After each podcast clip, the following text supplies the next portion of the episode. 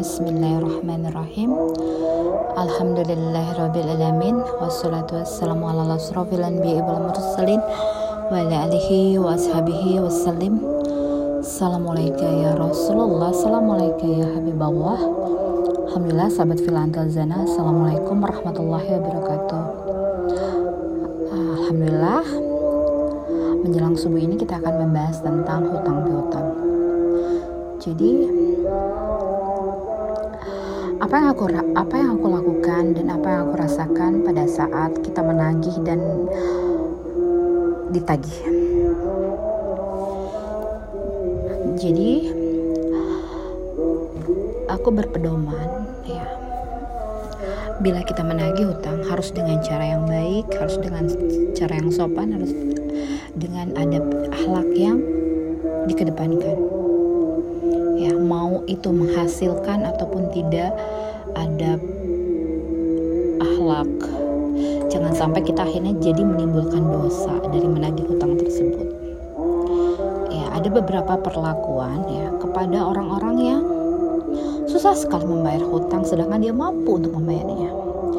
Berbeda memang kalau memang tidak ada kemampuan ataupun dia tidak memiliki kemampuan tapi tidak punya etikat untuk membayar. Itu berbeda-beda ada yang memiliki kemampuan tapi dia suka me mengentar-entarkan ini rasanya pada saat uh, saya ditagih ya sepanjang perjalanan ya memberikan hutang ya menemui seseorang yang memiliki kebiasaan untuk menunda dalam arti dia memiliki kemampuan membayar tapi dia menunda dibuat lama ataupun cenderung jadi melalaikan pembayaran hutang yang seharusnya dia bisa lakukan tepat waktu lebih cepat gitu ya dengan menggampangkan. Nah saat menemui hal ini mulai dari lembut mulai uh, dari yang uh, sopan biasa saja sampai yang agak sedikit lebih penekanan keras ya. Karena apa? Yang keadaan yang yang ditampilkan dengan ketidak ketidakseriusan dalam membayar ya. Mementingkan hal-hal yang tidak penting gitu ya tapi menunda membayar sedangkan itu sudah waktunya sudah cukup lama gitu ya. Kita menundanya itu udah bukan lagi hitungan bulan sudah melebihi uh, satu tahun atau memasuki uh, jangka waktu satu tahun.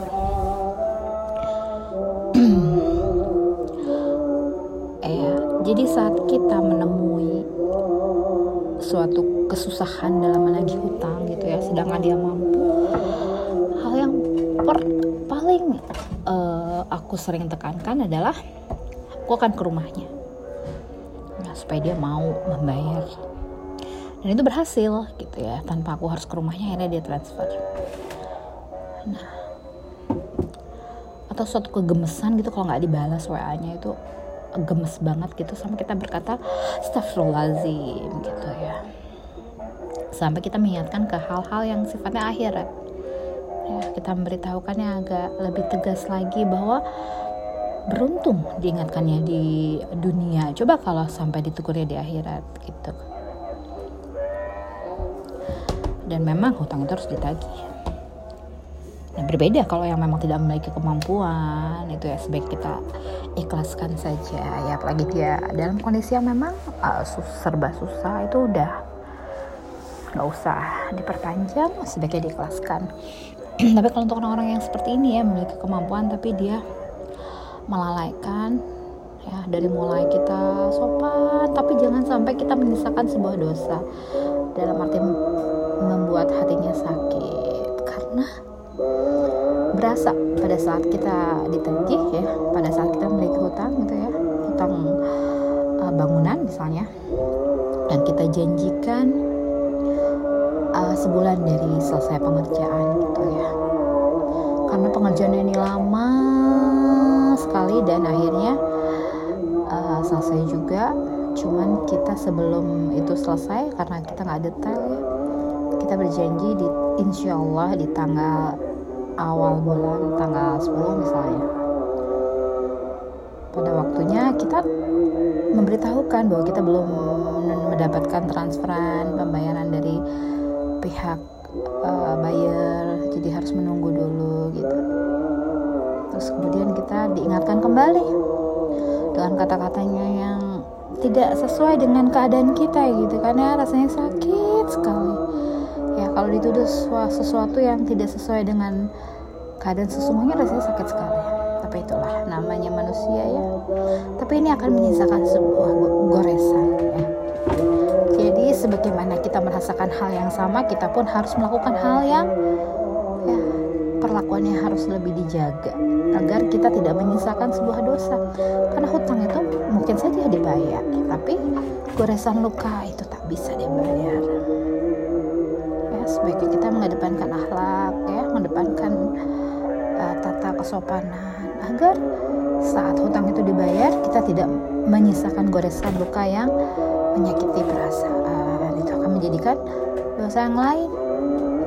Ya akan menjadi catatan catatan satu hal yang buruk kalau kita tidak meminta maaf ya. Mulai saat ini kita harus memperhatikan apa yang kita lakukan ke orang akan kita rasakan. Jadi harus benar-benar kita memperhatikan perasaannya. Walaupun dia adalah seorang yang memiliki kemampuan tapi dia melalaikannya ya tidak mementingkannya cenderung uh, melupakannya. Tapi itulah kita tidak boleh meninggalkan goresan luka kepada orang yang kita tagih kita harus tetap memberikan satu hal yang terbaik. Mau dibayar ataupun tidak kita harus tetap menjaga perasaan orang lain itu adalah hal yang harus kita perhatikan dalam kesopanan tata nilai dalam menagih hutang mungkin itu saja. Ya subhanallah rabbi izzati amma yasifun. Wassalamualaikum warahmatullahi wabarakatuh